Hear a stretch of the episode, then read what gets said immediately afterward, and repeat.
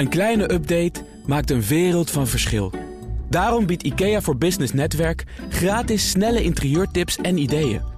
Word gratis lid en laat je werkplek voor je werken. IKEA, een wereld aan ideeën. Grote bedrijven moeten meer gaan betalen voor vervuiling, zegt de directeur van de Nederlandse bank Job Swank. En in San Francisco ruzien twee techmiljardairs openlijk over de aanpak van het dakloze probleem. Of bedrijven verantwoordelijk zijn voor het aanpakken van maatschappelijke issues, bespreken we in het Boardroom Panel. Bestaande uit Leen Papen, Nijrode, hoogleraar Corporate Governance. En met Talita Muse, mijn zakenpartner, eh, lid van de Raad van Toezicht van eh, MVO Nederland en oprichter van Blikverruimers. En de Energieboot, daar moet ik er gewoon even bij zeggen. En bedrijven dokter en partner bij Themis Company, Anton Wiggers. Welkom. Dankjewel. Dankjewel. Um, laten we beginnen met de oproep van de directeur van de Nederlandse Bank. Allereerst vroeg ik me af, is het logisch dat we dit geluid nu horen van de Nederlandse Bank? Toch in de eerste plaats denk ik een toezichthouder. Het antwoord is ja. Ik denk dat het een prima idee is. En het is ook inderdaad een thema wat de Nederlandse Bank al langer uh, propageert. En ik denk ook dat het noodzakelijk is om Nederland weer sneller uh, te laten voldoen aan de duurzaamheidseisen die we met elkaar hebben geformuleerd. Maar eh, toch nog even het antwoord op de vraag: waarom moet de Nederlandse bank zich daarover uitspreken? Goeie vraag. Uh, het had ook de politiek kunnen zijn, maar goed, iemand moet het doen. Nou, ook wel omdat er natuurlijk een risico zit. Hè? Dus bij de banken, de mate waarin zij uh, geïnvesteerd hebben of geld hebben uitstaan bij bedrijven die nog niet prioriteit maken van duurzaamheid. De Nederlandse bank ook meerdere keren rapporten eigenlijk laten zien van, nou ja, dat kan op de langere termijn kan dat wel een, uh, een risico zijn, klimaatrisico voor, ons, uh, ja, voor onze economie, ons financiële bestel, als we niet snel iets gaan doen. Dus hij is in dit debat een, een logische speler. Nou, het is niet super logisch, maar ik ben heel erg blij dat we blij mogen zijn dat de Nederlandse bank hier zich nu uh, over uitspreekt. Dan nu wat die Nederlandse bank uh, zegt. Begint eigenlijk uh, met een stelling. Hè. Grote bedrijven betalen nu minder belastingen voor vervuiling dan gezinnen en kleine bedrijven. En daar zouden we iets aan moeten doen. Die verhouding is zoek. Klopt die aanname, klopt die stelling? De stelling klopt, dat hebben ze ook onderzocht. En in die zin heeft de Nederlandse bank ook dat punt helemaal gemaakt. En dus is het ook tijd dat die bedrijven ook wat meer gaan betalen. Uiteindelijk is natuurlijk wel het probleem dat dat ook weer via prijzen wordt afgewendeld op jou en mij. Ja, tegelijkertijd zag ik ook in dat rapport dat de Nederlandse bank die belastingmaatregel waar het hier over gaat, nog weer koppelt aan uh, toenemende werkgelegenheid en zelfs economische groei. Zeker. Uh, het leidt tot innovatie. Het leidt ook inderdaad tot de noodzaak om na te denken over andere technieken, uh, energietransitie. En uiteindelijk is dat ook wel weer, nou ja, aan de ene kant een financieel verlies, maar het creëert ook een ja. nieuwe werkgelegenheid en banen. Ja, nou, dat minder betalen door uh, bedrijven ten opzichte van de burgers, dat zit hem natuurlijk deels natuurlijk in de kosten die veroorzaakt worden door vervuiling en noem het maar op. En dat belandt, deel, ja, dat belandt bij ons allemaal. Maar het is ook nog een tweede punt: de belastingen die er al zijn, dus de energiebelastingen en de milieuheffingen die er op dit moment zijn, die worden voor meer dan de helft, en in het geval van de milieuheffingen zelfs voor meer dan 70 procent, betaald door de burger. Dus het is niet alleen de toekomstige kosten die op dit moment onevenredig hard bij beurs liggen, maar ook gewoon de bestaande belastingen die al iets zouden moeten doen, zoals milieuheffingen en energiebelasting. Daar, daar draait de burger ook grotendeels voor op. Maar het gaat hier ook volgens mij, als ik de optelsom maak, om in totaal een belastingmaatregel waar 8 miljard mee gemoeid is. En dan zegt de Nederlandse bank, ja, de Nederlandse bedrijven zullen dat niet of nauwelijks voelen. Tegelijkertijd, als ik dat zo uitspreek, 8 miljard, dan denk ik dat is niet onaanzienlijke som geld. Nee, maar 8 miljard op een inkomstenpatroon van 300 miljard per jaar aan belastingen is natuurlijk nog een overzienbaar bedrag. Maar we hebben het maandenlang gehad over de dividendbelasting. Daar was Zeker. minder mee gemoeid. Dat is ook zo. Maar goed, dat was een andere maatregel met een politieke context. Dit is ook politiek, maar noodzakelijk om het milieu beter te krijgen. En te voldoen aan de doelstellingen van de Parijsakkoorden in 2030. Ja, ja. Nou, ik denk er was wel kritiek, onder andere van de VVD. Uh, die zeiden van ja, het ontbreekt wel een beetje aan nuance van wat betekent dit voor het Nederlandse bedrijfsleven als je dit alleen in Nederland zou doen. Daarom heeft Wiebes ook gisteravond gezegd van nou ja, je moet uh, echt internationaal hierin optrekken.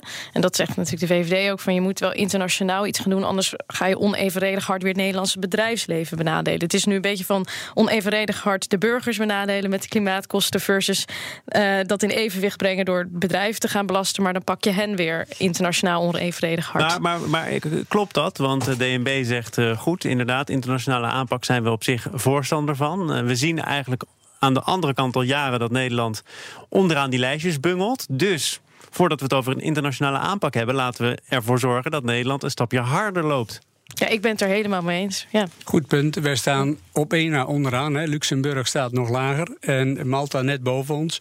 Dus wij bungelen al jarenlang onderaan het lijstje van 27 Europese landen. Dus er is alle reden om in te halen. Is het eigenlijk uh, waar het over gaat, hè? Uh, de CO2-uitstoot en die belasten? Is dat, uh, jij, jij zit er ook als expert goed in, is dat de methode? Ja, het is de meest efficiënte maatregel, omdat je eigenlijk daarmee het hele spel verandert. Dus waar als je alle aankopen, alles wat je doet duurder wordt, doordat daar een hoger CO2-prijskaartje aan zit, dan ga je echt direct in de ehm, kernmechanismes zeg maar, van de economie, de prijsmechanismes, ga je iets aanpassen, zodat je precies krijgt wat je wilt. Namelijk dat dat wat vervuilend is, uh, duurder wordt en dus minder aantrekkelijk. En dat wat schoner is en minder CO2 oplevert, dat dat aantrekkelijker wordt. Dus je, je grijpt echt in op een, op een belangrijk mechanisme wat nu nog niet uh, uh, ja, goed functioneert. Het, komt op mij ook over als een beetje het rondpompen van geld. Want DNB heeft ook in die voorstellen weer een rol weggelegd voor subsidie. Hè? Dus je betaalt nu als bedrijf dan meer belasting. Dan zou je dan eventueel via subsidie weer terug kunnen krijgen voor schonere technieken en andere methodes. Ja, precies. Maar dat is eigenlijk ook weer heel vaak het punt wat er vanuit het bedrijfsleven wordt gemaakt. Van ja, zit een onrendabele top zeg maar, op het doen van uh, investeringen ja, voor de schone technolo top, dat is een cruciale term. Ja. Dus we willen wel ook iets hebben om daarmee de volgende stap te kunnen zetten. Anton Wiggers is in de studio en op adem gekomen. Goedemiddag. Goedemiddag. Heb je de rest van de discussie al een klein beetje kunnen volgen? Ik heb het in nodig kunnen volgen, ja, ja. Ja, als je mijn mening hierover vraagt, ik denk dat je moet beginnen met meten. Hoeveel CO2 heb, stoot ik nu eigenlijk uit? En dat weten macro kennelijk wel, maar micro, eh, heel veel bedrijven weten dat niet. En mijn idee zou zijn om het dan daarna te gaan fiscaliseren. Dus laat de fiscus zeg maar hier, een, eh, als je dan wil gaan, eh, boetes gaan wil gaan heffen, laat de fiscus dit gewoon heffen. En ze voor, via een soort carry-back-regeling. Dus je, kunt, je krijgt een boete, je hebt te veel uitstoot. Dat kun je terugverdienen door de komende jaren gewoon je investeringsprogramma af te handelen. En dan krijg je het gewoon terug. Dan laat je het zeg maar buiten de kostprijsdiscussie die ik net hoorde in de auto van dat de klanten moet betalen. En uiteindelijk kun je het terugverdienen als je het goed doet.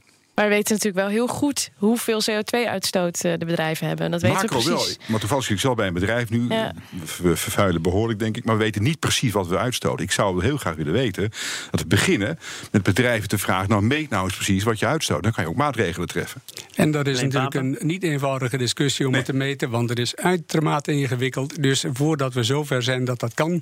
zijn we weer jaren verder. Dus dat lijkt me een verkeerde oplossing. Vol- Volgens mij weten we namelijk wel dat eh, de 100 eh, bedrijven in Nederland goed zijn voor meer dan 70% van de CO2-uitstoot. Dat zelfs sommige industriële partijen meer uitstoten dan de gehele gebouwde omgeving bij elkaar. Dus het gaat volgens mij ook meer om het aanbrengen van een andere verhouding. Dus misschien weet je het niet van ieder bedrijfje individueel. Maar dit, deze maatregel is natuurlijk bedoeld om de verhouding industrie en burger en hoe draag je bij een CO2-uitstoot, om dat wat meer met met elkaar in balans te gaan brengen. Ja, dat ben ik met je eens. Want ik vind dat je de, de rekening uiteindelijk niet bij de consument moet neerleggen, maar bij de bedrijven zelf. En dat begint volgens mij toch. Je kunt, als je op macro kunt meten hoeveel CO2 er is, dan zou je het ook micro moeten kunnen doen. Ik denk dat daar best wel tools voor zijn. Er zijn ook best bedrijven voor die dat kunnen meten. Kan, We gaan, eh, Maar uiteindelijk komt het altijd bij de burger terecht, linksom of rechtsom. Linksom of rechtsom zijn we ook bij een ander onderwerp aangekomen. Eh, dat wil zeggen, we gaan hebben over eh Philips topman Frans van Houten. Die zei tijdens de uitreiking van de FD Henry Seithoff-prijs... dat hoogleraren moeten worden aangemoedigd om aandelen te nemen... in bedrijven die ontstaan op universiteiten. Dat zou kennis makkelijker eh, omzetten in commerciële toepassingen. Is dat daarvoor nodig? Dus die constructie, een hoogleraar, een professor die aandelen neemt? Anton. Nou, ik ben een heel groot voorstander van eh, integratie tussen universiteiten en, en bedrijven. In Amerika is het heel gewoon. Hè. Als je kijkt naar een, een, universiteit als, eh, als Stanford, krijg je geen cent overheidssubsidie. Eh, maar Sun System staat voor Stanford Universal Network. Dus dat, dat zijn bedrijven die zijn oorspronkelijk begonnen aan universiteiten. Die hebben subsidie gekregen. eh, staffing, professoren, studenten. En de universiteit zei prima, maar ik wil graag een steek van jouw bedrijf. En zo krijg je ook een prachtige combinatie van wetenschap en bedrijven. Verbonden Nou, aan een universiteit? Ja, goed idee. Wij krijgen ook nul subsidie, dus we verdienen ook alles zelf. Ehm, het is natuurlijk een leuk idee, maar het is wel weer zo. Het gebeurt al. In de vorm van eh start-ups, in de vorm van verbindenissen tussen universiteiten en onderzoek en, eh, en bedrijven. En natuurlijk is het probleem altijd waarom de individuele hoogleraar. Kan het helpen? Waarschijnlijk. Maar uiteindelijk zit er rondom die hoogleraar een team, een infrastructuur. Dus je zou beter kunnen nadenken over hoe je eh, de universiteit in zijn volle omvang uh, ook kunt helpen. In plaats van die ene individuele hoogleraar. Hoezeer ik het idee ook wel leuk vind. Dat wel. Ik ben wel heel erg benieuwd wat dit doet met toch wel de objectiviteit van kennis. Want wat je nou nu zag, bijvoorbeeld in die discussie van de dividendbelasting. Dat er één rapportje van de RSM door twee hoogleraren die heel veel samenwerken met het bedrijfsleven toevallig. Uh, ja, dat, je ziet dat de maatschappij daar echt dat keihard neersabelt als er te veel toegeschreven wordt naar de belangen van bedrijven. En dat, je voedt dat natuurlijk wel een beetje met dit soort constructies, in mijn opinie. Nee, dat is het risico van dit soort constructies. Ik denk ook dat het niet en inderdaad een hoogleraar moet zijn, maar een universiteit waar je aan koppelt. Wij adviseren vaak bedrijven om ook nemen huur en ruimte op de universiteit en zit bovenop de innovatie. En, uh, ik maar denk dit is allemaal niet zo heel erg nieuw. Hè? Je moet echt de universiteit proberen te vinden die nog geen incubator, accelerator programma hebben. Dat, dat is inderdaad wat volgens mij al gebeurt. Het gaat er juist om dat die wetenschappers daar nu nog niet uh, voor eigen uh, risico en rekening in participeren. En wat volgens mij ook speelt, is dat het nog altijd een beetje als minderwaardig wordt beschouwd als je als professor, als wetenschapper gaat ondernemen. Je raakt je positie kwijt. Nou, niet bij ons, maar het is wel uh, waar dat dat uh, dilemma van onafhankelijkheid en zo, dat dat in het geding is.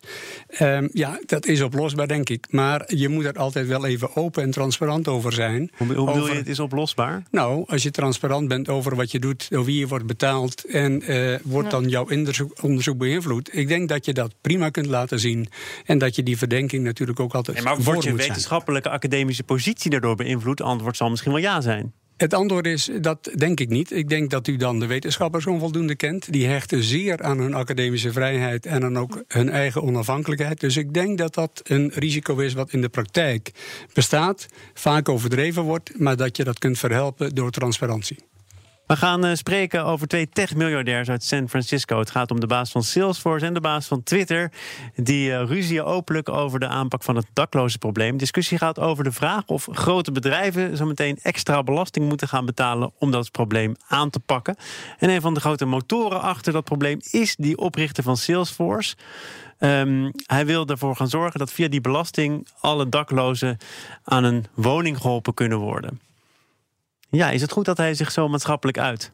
Het antwoord is ja. Ik denk dat bedrijven ook uh, hun maatschappelijke verantwoordelijkheid nog veel meer zouden moeten nemen dan ze vandaag de dag doen. En natuurlijk doe je dat ook door belasting te betalen, maar je kunt het ook doen door in de doelstellingen van je onderneming dat ook een nadrukkelijke plaats te geven en daarmee dus ook te zoeken naar oplossingen voor opleidingsvraagstukken, huisvestingsvraagstukken en milieuvraagstukken, what have you. En dat kan meer dan nu het geval is. Ja, ik ben daar vorig jaar nog geweest. En het valt inderdaad op een enorm aantal aan, aan zwervers. Die denken dat je dat nu op gaat lossen daar ter plekke. Dan krijg je een enorme aanzuigende werking. Dus wat los je dan feitelijk op? Hè? Dan krijg je een enorme stroom. Uh, vergelijkbare probleemgevallen. En als je Amerikanen zelf vraagt. Dat begrijp ik even niet. Je lost het op en dan denk je er komt weer een ander probleem voor, voor in de plaats. Als je het in San Francisco op gaat lossen, dan krijg je waarschijnlijk andere mensen uit Amerika die zeggen: hé, hey, dat is aardig. Daar moet ik heen. Daar moet ik naartoe. En als je Amerikanen zelf vraagt en je, je, je praat over wat je ziet op straat, dan zeggen ze zelf: ja, die mensen hebben ervoor gekozen. Die zijn, dat zijn dopparts uit het systeem, geloven wij niet meer in. Die kiezen ervoor om hier te zijn. Dus is er een probleem in nou, de, ogen, in de ogen van de Amerikanen zelf, maar vraag je het aan de mensen die het betreft, namelijk de daklozen, zeggen die dan ook: ja, ik heb hiervoor gekozen, ik zal mijn lot moeten dragen? Of nee, toch niet? Ik, heb ze, ik heb ze niet gevraagd, maar het is op, opmerkelijk dat ze zelf het probleem anders ervaren dan wij het hier ervaren. Talita? Nou, ik denk dat het ook in het belang van de bedrijven zelf is om hier wat aan te doen. Dus om te zeggen van, nou ja, je wilt gewoon dat het is toch te schrijnend, zeg maar, dat je daar de grootste techbedrijven hebt zitten en enorme rijkdom en aan de andere kant uh, zo'n dakloos probleem. Van wil je dat dat gewoon dat vestigingsklimaat op en dat, dat is veel breder dan uh, is er alleen maar hoogopgeleid personeel of niet. Wil je gewoon dat het een fijne plek blijft zeg maar, om te ondernemen en je bedrijf te vestigen, dan zou je op een gegeven moment ook iets aan dit soort sociale problemen moeten gaan doen. En ik vind, ik, ik er voorstander van. Ik vind het goed dat ze dit uh, ter discussie stellen. Ja, dat, dat dacht ik, hè, dat het nou juist hier speelt. Heeft dat ermee te maken dat daar de echte excessen wat betreft echt enorme rijkdom en dat schrijnende verhaal van die wereldhoofdstad wat daklozen betreft, dat dat zo dicht bij elkaar komt dat er daarom die. Urgentie gevoeld wordt van we moeten hier toch wel wat dat, aan doen. Dat denk ik wel, want Silicon Valley zit al best wel veel met zichzelf eigenlijk in de knoop. Dat ze aan de ene kant de meest vernieuwende technologie en, en uh, futuristic zeg maar, beelden hebben over de toekomst. En tegelijkertijd qua directe impact in het hier en nu. Uh, ja, kan je best wel kritisch zijn over wat er daadwerkelijk gebeurt. En dan is dat best wel een spiegel als aan de overkant van de straat de daklozen in de rij staan. Zeker, dus ongelijkheid in de wereld neemt toe. Zeker in Amerika. En die getallen laten dat ook elke keer zien. En de vraag is dan, waar begin je? Uh, is het een manier om het lokaal te doen? Nee, liever niet. Hè. Liever integraal, want anders krijg je aanzuigende werking. Maar goed, iemand moet beginnen. Dus ik vind het in die zin een uh, idee wat ook uh, naleving waard verdient. En natuurlijk, belasting heffen is een manier. Als je het probleem niet zelf kan en wil oplossen, eh, dan kun je dat doen door middel van het heffen van belasting, waarmee dan de overheid het kan doen. Maar goed, het waren beter om er ook een, een oplossing van te maken waar alle partijen samen in optrekken. Dat is nog beter. Nou, nu zegt overigens de burgemeester, die niet zo gek lang geleden gekozen is en die dit als belangrijkste thema had: ik ga het daklozenprobleem oplossen. Ik vind het een sympathiek idee. Misschien moeten we het ook serieus overwegen. Maar eigenlijk is een ordinaire zak geld niet hoe we dit moeten gaan oplossen. Helemaal waar. Nee, helemaal eens. Maar goed, het, is natuurlijk, het draait hier wel om het geld van die grote bedrijven. Ja, ik vind het inderdaad ik vind het een heel sympathiek idee dat ze zeg maar, zich het lot aantrekken. Ik denk dat die gelden zullen moeten worden verzameld. Want in feite zal de overheid moeten gaan oplossen. Samen met de mensen die, zeg maar, die daar zitten. En is ook vraag, wat willen zij zelf? Hoe zijn ze daar gekomen en kun je het voorkomen? Dat lijkt me veel interessante vraag. Maar hoe vraag. je verantwoordelijkheid? Hè? Talita schetst terecht van misschien is het voor die bedrijven van belang dat ze gevestigd zijn in een stad waar je graag wil zijn, waar geen problemen zijn of zo min mogelijk problemen. Aan de andere kant zegt dus die oprichter van Twitter, Dorsey, ja, dit treft mijn bedrijf, dat. En het zal er op de langere termijn ook voor zorgen dat er banen en bedrijven uit San Francisco verdwijnen, die ergens anders weer terugkomen. Daar zit ik niet op te wachten. Er zijn nu twee bedrijven die initiatieven nemen. En ze hebben er zelf onderling al ruzie over. Laat staan als iedereen zich ermee gaat bemoeien. Ik denk dat je moet, iets moet regelen samen met de overheid en met vertegenwoordiging van die mensen. En dan ga je er wellicht uitkomen. Maar je zult het nooit lokaal kunnen oplossen. Dat uh, lijkt me echt lastig. Ja, volgens mij is er ook nog wel een andere invalshoek. Dat, ik, dat sommigen misschien van deze techmiljardairs ook beseffen dat hun bedrijven uh, mede veroorzaken. Natuurlijk dat er aan de onderkant van de arbeidsmarkt best wel veel. Dat is een, een, een heel thema nu ook. Dat er veel banen gaan verdwijnen. En dat je dus aan de ene kant ook steeds meer discussie krijgt. Dat zie je ook in Nederland bij grote bedrijven. Die zeggen van ja, misschien zijn wij ook wel dan mede verantwoordelijk om het bedenken van oplossingen. Dat als wij door onze technologie ervoor zorgen dat aan de onderkant van die arbeidsmarkt steeds meer banen verdwijnen. En misschien dus meer mensen in werkloosheid komen. Dat wij dus ook zelf proactief nu aan de oplossing moeten gaan werken. Maar ligt het dan aan die bedrijven of ligt het aan de klantvraag die erachter zit? Die het ja, en grotere ontwikkelingen in de samenleving echt, eh, en technologie. Het is nooit dat in ene individuele bedrijf. Maar je, ik zou het wel mooi vinden als bedrijven dan in de voorhoede gaan staan. Van ja, wij hebben dan dus wel een onderdeel ook in die, in die oplossing. Ja, dus als je uh, mensen ontslaat, hè, dan zou in het sociaal plan het ook een uh, voorwaarde moeten zijn dat je veel meer doet aan het oplossen van dat scholingsvraagstuk, van andere vraagstukken, dan het uh, in feite afwendelen op de overheid en op de samenleving als totaliteit. En dat is toch een iets te gemakkelijke die je in heel veel uh, gevallen ziet. Zeker in Amerika, maar ook in Nederland. Kijk naar het leger ZZP'ers, inmiddels een miljoen groot, waarvan een substantieel deel toch uh, een vorm van nieuwe loonslaven zijn op een andere manier. Waarin toch het inkomen ook een stuk lager is dan wat ze hadden. En daarmee een groot maatschappelijk probleem wordt gecreëerd, omdat uiteindelijk het sociale stelsel dat niet kan dragen. En dat is onbestaanbaar. En dat vergt een oplossing waar we allemaal een rol in hebben te vervullen. Ik wil tot slot met jullie kijken naar beursgangen. Want eh, het was lange tijd zo, ging het goed met je bedrijf, dan ging je naar de beurs. Maar zwarte cijfers lijken tegenwoordig niet meer nodig. Steeds vaker kiezen juist verlieslatende bedrijven voor een beursgang. Ik kwam zelfs een cijfer tegen vanuit de, de Verenigde Staten. 83% van de bedrijven die naar de beurs gaan leidt verlies. Dat percentage ligt nog hoger dan uh, begin deze eeuw toen de dotcom-bubbel knapte. Is dat, Anton, iets waar je met zorg naar moet kijken? Ja, ik, ben, ik vind dat ook. Ja, ik maak me wat ergens zorgen over. Ik, ik denk, ik zou, ik, wij waarderen bedrijven op cashflow. En uh, de meeste bedrijven, neem Travelbird, hè, dat is ook failliet gegaan uh, door gebrek aan cash, niet door gebrek aan, aan groei. Nee, dus daarvan zou je kunnen zeggen, te lang gefocust op groei, te weinig op winst? Dat denk ik ook. Ja, toegevoegde waarde met name. Ja. Op toegevoegde waarde? Je kunt niet alleen toegevoegde waarde leveren door alleen maar te groeien. Maar, is... maar, we kijken naar de grote bedrijven die we dagelijks hier ook op de radio bespreken. Uh, Uber, uh, Zalando. Nou, zo kun je nog een paar bedrijven noemen die, uh, die lievelingen zijn. Althans, als je er op een bepaalde manier naar kijkt. Maar als je naar de cijfers kijkt, zou je denken: ja, waar is het allemaal op gebaseerd? Is dat dan de belofte? Is die vaak genoeg? Alleen ja. maar op de belofte. Het is alleen gebaseerd op een belofte waarvan mensen denken dat wordt wat. Nou ja, dat wordt natuurlijk soms inderdaad wel wat. Kijk, Amazon, dat is fantastisch geworden.